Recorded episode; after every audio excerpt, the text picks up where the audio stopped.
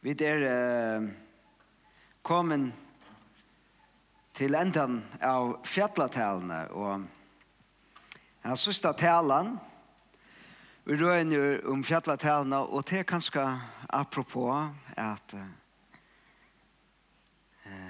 Jesus får ned en hattene, at uh, at hos alle folk om hva det vil si å være folkgods, personer og gjøre myndager av vilja gods og endamalen hans herre. Og at han hatt ved fjalletalen eisene en lysing av um, det som skal se ei kjenne, det er falskje. I god, hever sett seg en sottmål saman vi. Hva mener vi alt det? Om til sier man, hvis man ordentlig skal fære atter og byrja vi byrja når man fære atter til Adam og Eve. Eh, og det er alltid, eh, det passer nesten, men jeg heldig vi for å skilje fjallatene, så må vi, nesten, vi må fære langere atter enn til Adam og Eve. Vi må fære atter til tann god og skapte mennesker, og tann god og skapte i alt. Og vi kjenner søvna. Vi kjenner søvna om vi har hørt han ekva fer, at god skaper menneskene i myndsøyne. Og god skaper menneskene har vært helt særlig samfella vi han. Og mennesker kvør vi annan. Han skapte ikke antall, han skapte deg som mann og kvinne, som samfunn. Og han skapte menneskene til å ha helt særlig plass og skapende verssøyne Jeg være løyga som god er herre ødlån, så yngste god er mennesker som minnsyn skulle være herre av hjørne innanfyrt her karmar og god heisett. Så at det ikke skulle bare være herrer, men så at at løyve av hjørne og skaperne av vers som skulle blom. Og vi kjenner søvnene Og, og det som lyser kanskje til henne best, er enda søvan uh, som tar vi det var sett store myndene i første målsborg gatt, så er det akkurat som telelinsen, der vi kommer av, og der vi fokuserer inn just av etter. Mennesker, som er og kvinna skapte myndgods, og hvordan de skulle leve livet innenfor de karmer som god til givet dem og skaperne versjonen i alten gærne og i etens haven. Og hva sutja vi? Vi er sutja en atlan her god fyrst hever skapt alt godt. Her alt blomar, her alt sprellar vi løyv. Og det sutja vi deisne og i etens haven at uh, god setter menneskene inn at det kan ser av orsdagaren. At være omman At han god som har skapt alla mødlager, ikke er mennesker som minns og inn, skørt han som djever hesen orsdageren og skap, djever jorden og nøvn. Kvøy, så at mennesker som er gods, skal leve i en harmonisk samfella hver vi anna, og i samfella vi god, innanfor tar karmar som han djever, så bæg i tarra liv og alt loiv i skaparen versen kan blåma. Og samme hatt så kjenner vi søvn av mennesker lyder seg god, vender seg fra hånden, krøker seg inn i seg selv, som lutter så, så lidrykt malbærer det ene en affær. Og til motsatt har hendt Samfellet vi gode bråte, harmoniska samfellet mellom mennesker, vi er et samfellet som er kjent av strøy her hver røyner, at bytja seg sine egne etne, vi tog som de hava, og enda og hver vi anna, og samfellet vi gjørna vera et samfellet som er mynda av bakse og lojing. Og så byrjar søvan, så ferna rull, og vi suttje etter minstri omater og omater, at god gruper inn i sunnar nøye, tog han innskjer, at det som er atla i byrjane skal bliva fullfutja. Og tog er det eisne er god utveler Abraham at gjøre seg et folk som han vil gjøre en sattmål vi. Hva er det enda målet ta i falske og Israel lever i Egyptalandet og Moses leide ut i øyemørsene og fer opp av fjallet og gjør en sattmål av dette. Jo, til, til den sattmålen som god gjør vi i Israel. God gjør veler seg Israel som folksutt, ikke bare for terrorskild, men for jøkken til at det skulle være en parser til søv her som han atter fullfudger sønne atlan hvis hun skaper noe verst. Og som folk så ut sier han, vet jeg her, nå gjør vi et ikke noen karmar rundan om hvordan tid skulle leva løyve så lær som jeg yngste der fra byrjan. Så at det være og jeg er nær en samfella vi med og at samfellet er tikkere mittelen som et folk kan være harmonisk og hver skulle det så leve jo til landen som jeg var lova teknologivet til kon som er så leva som er leva kvært nesten en fer atter til aldengæren så skulle det flåta iver vi mjölkje og honan kjær mynd av en mynd av flere av at så fyrt her løyve som gode atleir menneskjen atter av blåma Og så kjenner vi søvnene til Israel, akkurat som Adam er, vender seg etter fra god. Søkja svinn i egne endamal. Søkja æra god der. Og Israel og jødar og jesar og sjalt om det var atter landen, det boja vi etter sin her. Er god skuld i attergrypen. Akkurat som han er gjørst, ta i Adam og Eva sin ta i. Akkurat som han er gjørst, ta i etter flåen av Mikkel, at han valgte ut av Abraham. Akkurat som han er gjørst, han bjerga i Israel og Egyptaland, så vågna de at det nå skal god gruppe inn. Og ta for Jesus, ta han kommer. Ta for han ikke bare som en annan Moses, men han fer som en som er meira enn Moses. Atter oppa i fjall. Og nå fer han å bære båskapen opp i hattene om fullfortjene av tog som byrja ved Moses. Og på at han mat en nødjan sattmål. Han fer å bære en båskap om hva det er å bære tar karmene fram som djeva et etnosamt et meningsfullt liv for folkgods og i samfellet vi herran.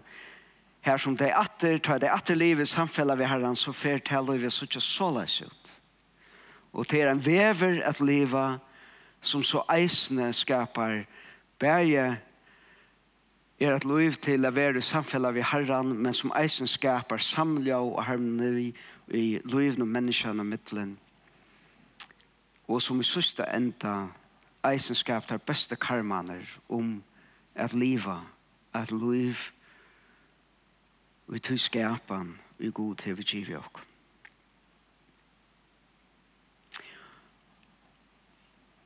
Og ikke her, er som båskaperen som Bibelen hever, hette er eisen tar spurningar som mennesker i atlementan til atlatøyra var spørsmål. Hva er mest da? Jeg har et etnosamt liv. Og i okkara sammenheng, i okkara mentan, det som vi kjenner til, så var dette eisen spurninger som dreiv grikkar. Hva vil det si jeg har et etnosamt liv? Og det innfattar ofte til å kunne ha mat og hus og... Men det innfattar alltid noe mer. Det innfattar eisene til å ha et etnosamt liv, Jeg finner gleden, av snus, ikke bare om at tilfredsstille okkara tørver, er få at her som vi dama, men det er alltid eisende knutt er at til meningsfodla løvene. Hetta visste jøtar i Jesus er døvun eisen. Så tar brukte ångtøy, tar bryr vi å bruke sindra kriskon. Så tar man skulle tåsa om til å finne etnene så brukte jeg ofte et år som heter Makarios. Og til sjæleprøysene. Sjæler teg, Makarios er det teg. Så kjenner vi begynnelsen av, av fjalletalene. Og jøder tar etter rønte å fortelle sine søve og tog tog som det var jo i ui, tog i første øld, og tar etter skulle lyse det meningsfulle løyve, til kjøtt og suttje, som jeg halte, åh, oh, jeg har vært etnosamt løyv, bare jeg får til freste til mine tørver. Mæt, av mæt, godt å drekke, uh, godt kinsløyv, godt, uh, um, godt arbeid, uh, gå gåa -like, og hvis man bare leiter etter tog, det var det ikke bare jøter, men jeg skrikker som visste at, nei, Det må være mer, livet må gjøre mening. Det må være et enda malvitt. Og jøter, der hørte selv han til lykke som vi der jøkken kjente, så det lukkelige livet, det var funnet i at lyta av Herren, av øttes Herren, at det er han som er han, som hvis man søker han, så kan man leva vid tog visdom han har lagt ui okkon, og Og alt annet lykke så først har et etnesamt løy, til først har det her tørvar, bæg av tøymene i nøren.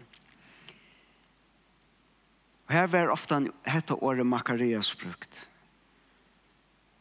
Og jøder i første øl sette hjemme hva er så enda mal i meningen vi løyvnum. Ja, men for her var det jo jeg kom atter og inn i etter det som gav meningen vi løyvnum er selv om tingene kunne være tung, så var det hetta at han god og bryr i hese søvna som jeg akkurat har tjøkken gønnsje. Det er han som enn vil hever han er mening ved manna løvnen.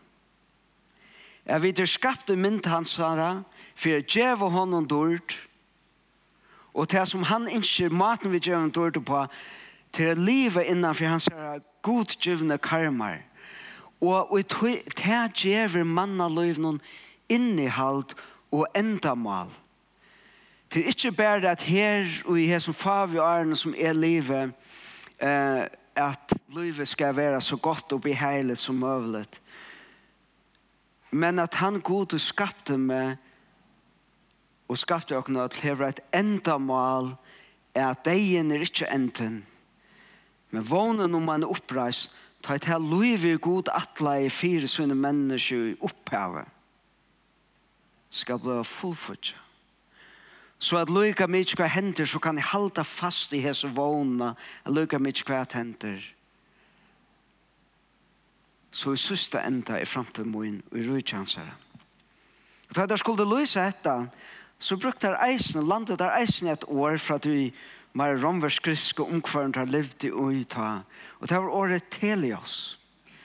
Og som vi ofte brukar som eh, vi ofte tutt og kanskje synder åheppe som fullkomme. Men det er ganske bedre å bruke året til hele livet, det som gjør livet helt, det som gjør det fullfutja. Um, det er akkurat som det fullkomna småbatni er ikke det at det er perfekt, alt er livet, men det er alt uiser så at det kan mennas og bonas og bliva til det og det var atla. Så da vi leser om å være fullkommen, så er det ikke det at man skal være akkurat som så perfekt, men det er det at det fullkomna livet er det fullfordgjøret livet, det heila livet, det er det som ikke er sunderbort, det er som vi ikke lever i ansøkt, men lever i harmoni vi det som vi var i atlei.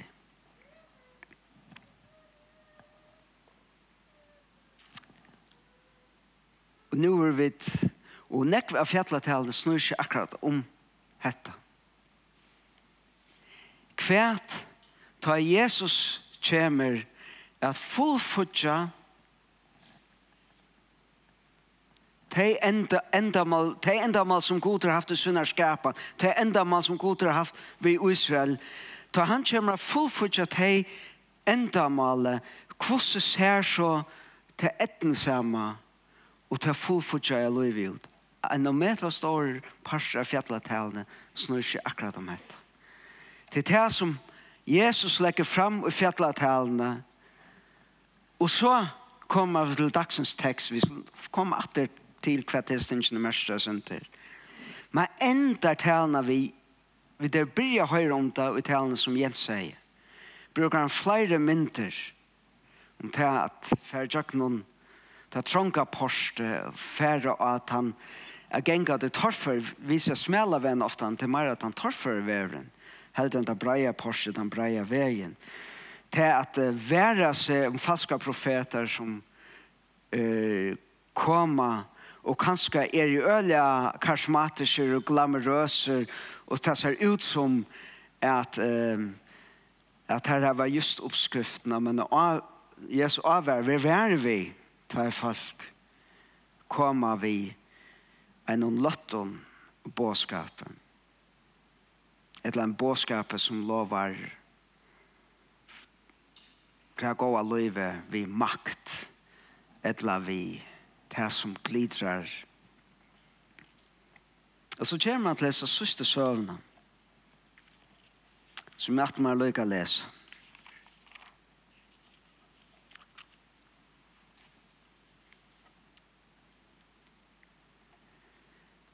Kvørt han som tog høyrer hes i årmøyne og gjer etter teimen.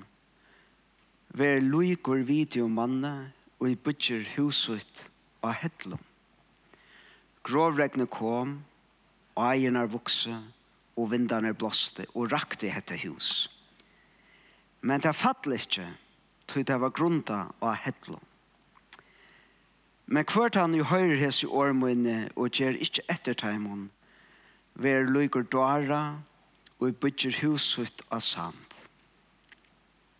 Grovregne kom, og eierne vokse, og vindene blåste, og rakte hetta hus, og ta fall, og fall tess vær størst. Altså, vi kjenner etter disse söna vi har här horstarna, sena, flanograferna, sundagsskolan, nekvaffärer och sundsju sundagsskolan, sancher och om hessa søvnene, og tog er det kanskje ordentlig tørt først at missa måtten i søvnene, til at hun ser när jag upp svarskvitt. Og ordentlig, vi slipper ikke undan til akkurat som Jesus vi synar tale og kanskje fänga oss og så krøtjer han och jag og han slipper oss ikke. Og han säger att det är enfalt upp. Nå er du hørst dette, og gjørst dette, så er det som en viser meg over og bytter huset til av. Og så, så føler du ut å standa. Og hvis du hører dette, og ikke gjerst det, ikke lever etter, så er så som ein og bytter huset ut av sand, og tar stormene kommer, kommer så fører det av fettla vi Løga mig hvordan flott det er. Det er nesten uimenda det er Huset som han som bygger hettle, det er jo kanskje ikke vært det flotteste huset. Det er man har brukt nekvar som ressurser til å greve ned av hettle. Men at han som bygde sand, hvis det hadde åtte løga nekvar penger, kunne kanskje finne det huset som sa ut av nekvar Men, jeg har tydelig ikke bygd av hettle, så fer det. Jeg sier nekka det samme. Så han sier dette vi okon. Og, og han, han vil ikke slippe okon. Her er ikke ja, men og, og kvært, nei. Hvis du vil ta et liv som etnast, så hør ormene og liv etter deg. Punktum. Hva så? Men hva er så dette her? Er vi ha lykke til at gjøre en lytte kjøkkengång som er alt og stått av talene. Bare takka en tru vi skifter opp som er aldri høvest høvestema og i fjallet talene. Til første, hvor brukte jeg sånn jeg var tog her at når jeg fortalte søvnene om hvordan hver er god, hver er god Hver er atlan god hever vi menneskene ta oss om grisk år som stavar fra griskar filosofi. Og til tog at Jesus brukar det rett og fjettla til han.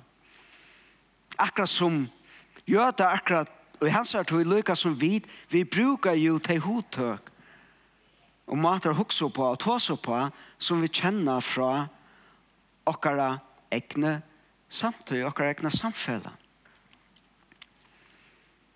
Og Jesus brukar just dette er året om spurningen om hva det er til etnesema løyve. Makarios. Det er det året som vi har brukt og det som kjente, kjente brygjene av fjalletalene som jeg hadde omøtta nekk for kjenne om det er kristne eller ikke, om det leser bøyden eller ikke, det er det er Sel ero, sel ero hine, sel ero hine, sel ero hine, nekva ferer og i noen til første versen i frattla tal. Og Makarias til væs nå og si om at eh, hver er det Hvis jeg anker ta seg om hver er Makarias, så er det de falskene som, som har funnet etnene i sønne løyve. Her som løyve lukkast. Eh, som har eh, mæt av barnen hus iver høtte, gå klæger og asær, som hava til å gå og starve, som kanskje hava funnet til posisjonene, til støvene og i løvnån, her det er revirt og art. Og halvtiden er ikke Jesus sier at det er nekka galt jo i er folk damer det. At at ta dreimer som du heie, ta du byrja i løyve, at til etnais, at du fikk til ubyggvidgen at du yngste der, og til lagt inn til starve som gav der lov innehåll. Men, men vanlig at man tar seg rundt om, oh, hatt, hatt det til lov som er makarios. Uh, men Jesus gjør noe, han sier, ja, det er ganske noe ut, men så venter han til fullkomlig høtt. Sel er hine kvært fatakke i anta. Og i lukka sier han bare særlig inn i fatakke. Punktum. Kvui til rydtje himmelrydtje starra. Særlig er det fatakke i anta. Det er ikke de som sutja særlig ut. De som sutja ut som de som har vunnet i og i okkara samfella. Men Jesus sier at de er sjal kvui til rydtje gods tarra. God hever et særligt hjärsta som brenner fyrir time om fataka. Taimon som syrja, taimon spekføre, taimon som hungra og tysta etter rastvise, taimon miskomno, som taimon hjertaregne, taimon som får frile, og sjálf taimon som nu er i etsøkt for rattvis skuld. Og i rujtje gods, taital, Jesus skal lysa hver, hver er inkludera i som de som har vunnet etnene og i Guds samfella, så er det just hes. Han venter nekna til maten som folk ofta han huksa vi om. Hver var det etne som? Jo, det etne som var det som hadde tann status, det støv i løyvene som gav dem nekra fire måneder. Etla tei som hadde maktna til å noa søgnen endamalen. Etla teimon som hadde rujtjutøm, så tei kunne okna seg til som tei vilja. Etla tei som hadde klokskapen, kunnskapen, okkon kanskje sagt, ubekvinnsjene, som let horaner opp til et etnosamt løyv Og Jesus ventet til å høtte. Jeg held ikke han sier at det er skarft om vi tar noen av stinkene. Men han sier om du hever deg, hvordan bruker du deg? Bruker du tunne støve, tunne makt, tunne penger, tunne utbyggving, så leis at de som er fatak, bæje, verlige og i andre, være mer etnesom. Såleis at de som syrger, være trøsta. Så at de spekfører, de som ikke kvarsigerer det eller doa det, røyner at boldra seg fram i samfellet noen eisene få sitt plass. Og arva sunnlod i hjørn.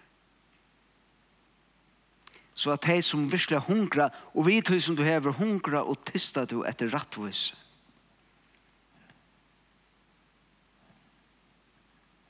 Jeg har til en parse av det. En parse av det sier alltid til Jesus sier, hva skal jeg? Nei, ta jeg god tykker nyer og hukser om ta jeg enda mal hans har vært fullfødt, så er det just Jesus som er sjæl. Og tog er det at hver sønne lei ta jeg vil leve, ja, men som vi leve, hvis vi skal leve så som god ønsker, så er det så leis at um, Jeg vet ikke bare søke akkurat egne uh, etne. Jeg vet ikke krakt inn i akkurat selv om bare søke for at akkurat liv etnast. Men jeg vet ikke lete hendre akkurat opp så at her liv og god atle i øtlen eisen heppnas til ør. Og jeg vil nevne eit av treet her. Jeg er halte jeg sånn at Jesus avhører så størst her, til at jeg hvis vi letja, hvis vi sier at det viktigste i okkara livet er okkara støva, hvis vi letja alt okkara liv og jeg vinner okkara status i samfellene, at vi bruker alt det tilfanget som vi nå har finnet til um, um, den stoltleggen som er at nå, jeg har det rette arbeidet. Jeg har det rette viringene jeg ryker nok til å kunne vise fram eh, at mitt liv er etnast, så ferdig jeg ikke etnast. Det er for slett kvart ikke etnast, endelig at det er ikke samsvær vi det som god ønsker, men selv det som gjør skal løyve noen, så gjemmer det av den, ta du misser arbeid ta det ikke langer kan få forføre det. er Dævren kommer, ta du ikke ræver i pengene som du hever, du eier. Dævren kommer, ta du misser alle tøyne forleikere. Dævren kommer, ta jeg vid, vid er fullkomlige avhengig av teimen som er rundt om åkken. Dævren kjemer lyga mykje hvordan nekva makt og hvordan nekva status vi tar av løyvnån. Ta vi der hjelparløst avhengig av taimon som er rundt om oss. Og det er kanskje ta mest sanna løsningen av hver vi der. Ta vi halda at vi kunne skapa akkurat liv, vi gjøkken akkurat egne forleikar, ta vi mist til som de fatak og arme og hjelparlese sier okkur. Vi er ødel hjelparlest avhengig av god. Og til eier av mynd okkur mer og mer hvordan vi lever akkurat liv. Jeg halte når jeg har som tenker noen er på enkje ved saleprisen, sier Jesus. Jesus venter at han høtter Og ta sama. Ta han så kommer langt nyer, ta han kommer til a greia, ta han fra hvordan Jesus hever fullfutja lovene. Så sier han pura greit. Eh, i vers 16 kapittel 5, hukse ikkje at er kom seta lovene ur gildi eller profetane er ikke koma sete ur gilte, men er fullkommet. Er fullfødje, er gjøre heil, henda matelios. Ikke perfekt, men til at at gjøre det såla som god atla det så det er heilt og fullfødje byggfe. Og sattne at han har sagt, til det har hørst sagt, til det har hørst sagt, du skal ikke drepa, og jeg sier til snart. Du skal ikke være ytler utan grunn til nekran. Og du skal ikke bare uh, være tryggver mot å merke tøynen. Du skal styrnast. Alla veien til kjenn vi kjenner alle disse rettene. Du skal elska. Sjalt fortjenta tøynen. Og til alt enda vi at han sier til skolen og så tøyngene, fleste tøyngene kom akkurat leier, til skulle være fullkommen, altså ferdigtekker i himmelen er fullkommen. Men det er mest at det at de skulle være fullfutjer, de skulle være heil. Hva er mest det? God er han, hvis vi skulle sutja, hvis vi er myndgods, så tar vi det heil, til tar vi blir mer og mer og mer av lyk gode. Det er det som poenget er. Og Jesus sier at Og i rydde godt så er det ikke nok bare, han, han, han ber i vis, han fer etter til døms farsier, han sier, det er ikke nok bare vi utvorser genge etter noen reglene, til man være samsverv mittelen hver tvers inni ut av sjolven, og hvordan du livet ditt liv. Og han setter radikalt opp, han sier, hvis du virkelig vil være god, det er god til han som leter regn og sol fatla bæg at det går i det øndu at du skal elska sjálf fortsatt høyt hvor skal vi gjøre det? Og heter han om metallig stor tross for øtlokken tog god elskar fortsatt høyne han elskar det så jeg at ta han sa ikke anna rikka i så vil han færa sjálf inn i deg han fyrir jeg sånn jeg elskar god fortsatt sjøyna Og ja, god sett oppa som vi var i fortsatt, så det vet okkur noen bætje. Og tog sier Jesus, hvis du vil være som god, så skulle du elska selv fortjent av tøyner. Og vi kunne fære inn og så nekk flere stekloter i tog som Jesus sier, så til det ene. Og hit som han sier, til det at ta et hit hoksa om tykkere til oss, tykkere at bliva fullfutja i byggvinn, bliva heil og ikke sunderbort.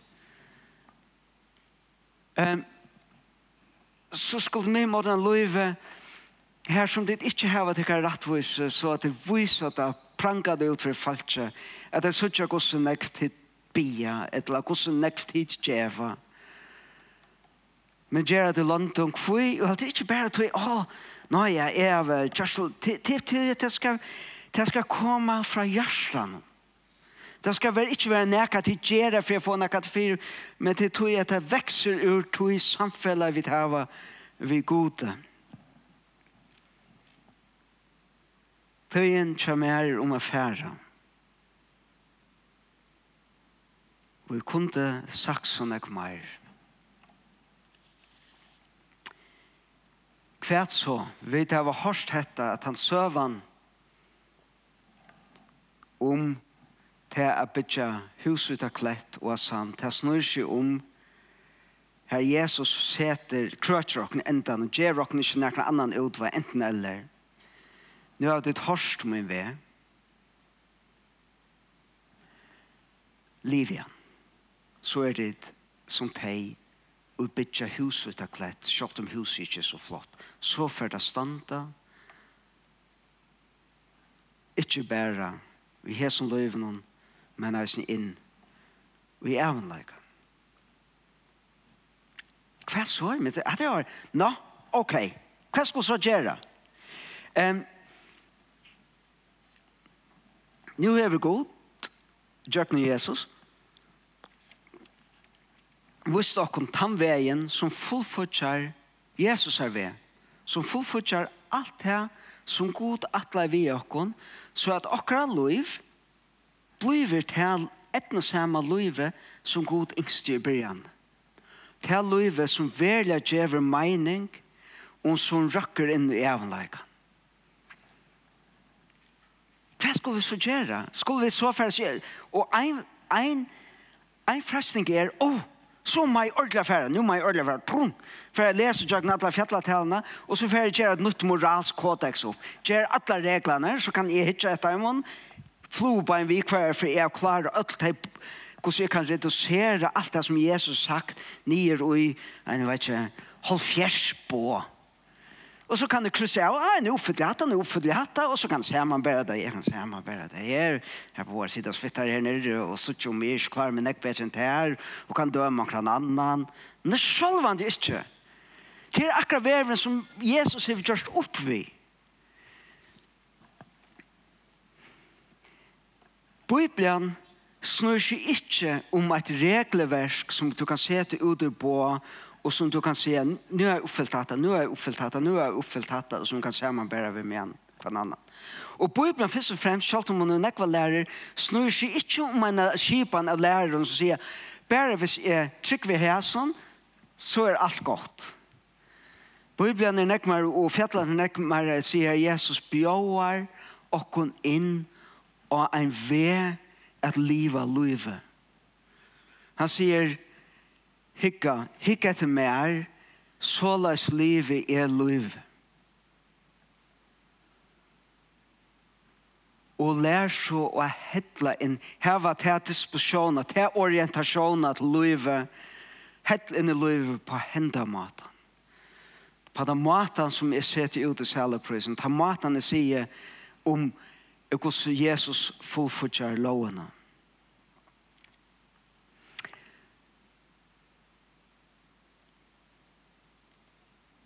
Tjøkken atle som manar vi har vært fjallatalene, nå har vi vært oppe i hattene. Vi har vært oppe i hattene sammen med Jesus. Og i fjallatalene ber hever Jesus nu båre framfyrir okkon. Han sier, jeg kom vi er nødt til Og han sier, og han har ikke fortalt dem det enn, men vi vet enda når søren vet at ja, vi kunne være passer som ikke satt med han til Jesus for å djeva seg selv fyre åkken, så vi kunne være rett seg i blå i hans herre, og, og, og, og dittene være lettene inn til et nytt liv som vi tar for temp for en tempel er rivet sunter vi til å frie inn til nøye gods og Jesus. Og Jesus, djever her okkon og sier til livet som er djer mølet for tikkon nå til til livet som er sett ut i korset her. Til det som Jesus djer vi okkon oppe i hattene og jeg halte til godt enda fjallatalene her.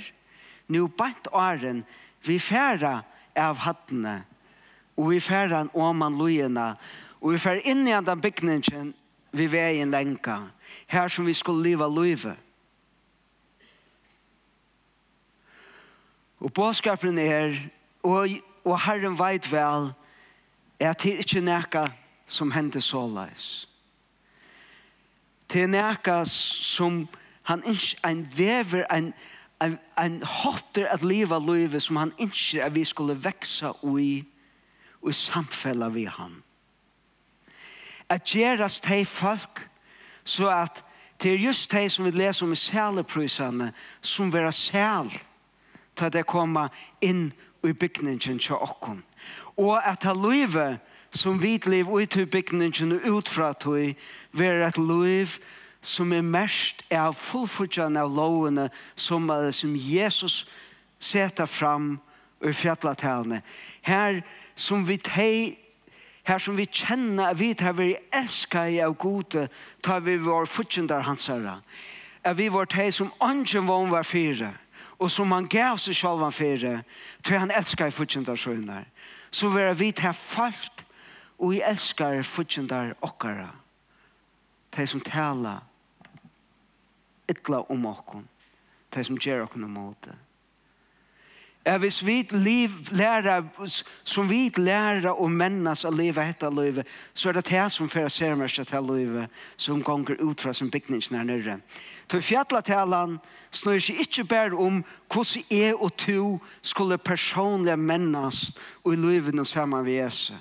Og jeg vil det fære så lenge som sagt, at hvis vi bare hukker som fjallatalen og lort, drøyne lort etter henne, røyna vi nøye gods å teka henne til okken og gjøre sånne mer løy hvis vi bare huks om det individualistisk. Jeg heter det som jeg skal gjøre som ensak personer, så henter unga det til vi det bruk for hver nør. God akko at atla i aldren er vi skulle bonast som kristen ensamhet. Til han skapte okken til at leva i fellesskapet hver vi annan. Så dette er, er dette om en bådskap til akkurat hver sier ja, sjølvante, men til eisen meir enn til. Til en bådskap hver vi skulle være som folk han sa. Og så vil jeg enda vi tog. Vi har bygd en staselig bygning her. Vi får åmann, vi får ha godt ljåanlegg. Vi får hava alla möjligheter till att göra allt möjligt. Men om det livet som vi lever sammen. Ikke mer og mer mest er et liv som er mest av tog som god og Jesus hever sett ut i fjallatene. Så er bygningen til åkken en sånn til som er bygd av sand. Løyga og mye om bygninger stender i tusen år. Så er han ikke som helst vir. Og vi som samkommer hava ikke vir. Vi har ikke djeva.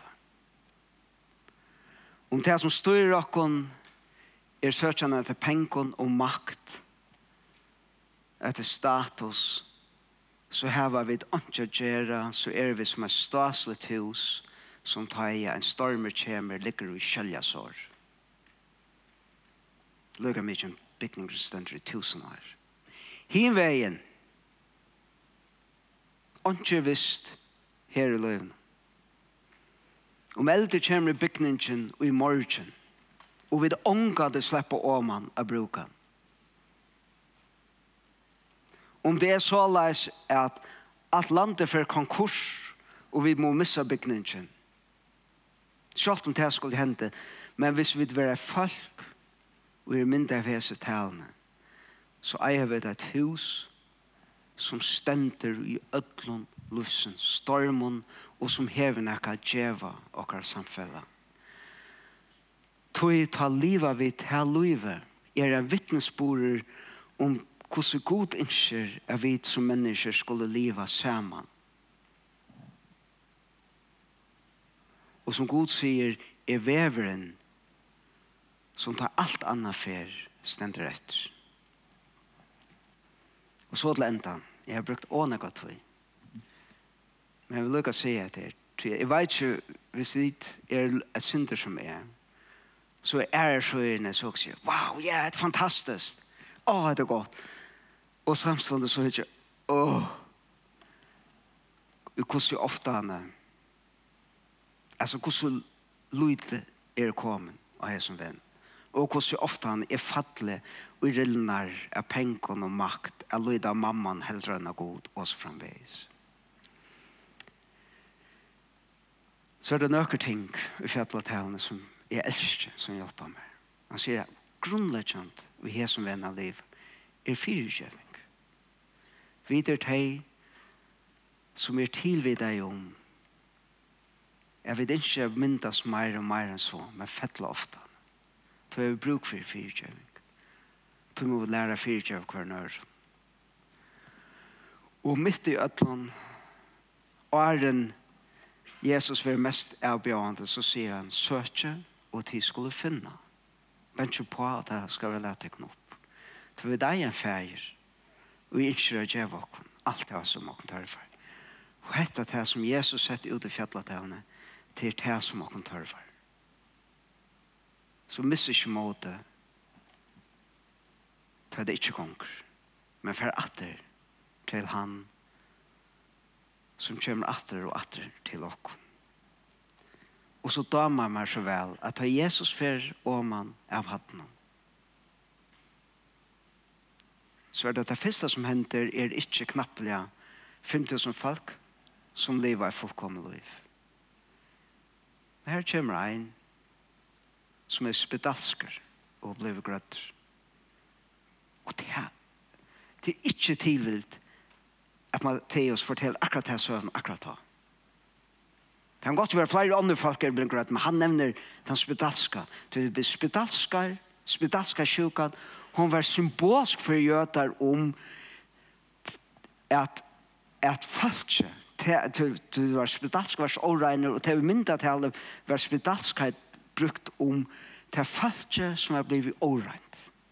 Det som var skite, og som var akkurat som enda utanfyr til samfunnet som måtte råpe åregn, åregn, til det hadde vent god bært. Og det er først som Jesus grøy da han kommer om han av fjell. Jesus fer om han av hattene her som han er boa, han har båskapen om hvordan vi som samkommer hans herre skulle myndast. Og han fer bant nyer og i tætgjerandes liv som er bråte, mørsta synd og veikleika og gjør sitt versk her. Og det er noe ommetelig trøst. Bæger tog at han kommer fer av hattene og han fer nyer i okkar just her som vi er bråten. Just her som vi er spedalsk og læmen og sjuk og blind. For jeg vet kunne blåa rein, sapagenka og sutja. Og bliva folk og gjør det samme for andre. Fæger Jeg takk deg for fjalletalene. Jeg ber deg om du som kjenner okken og kjenner alle okra veikleikere. Ber jeg som anstakere personer her inne med eisen som samkom. Jeg ber deg om og takk deg for det. Til nøye og til djøver okken.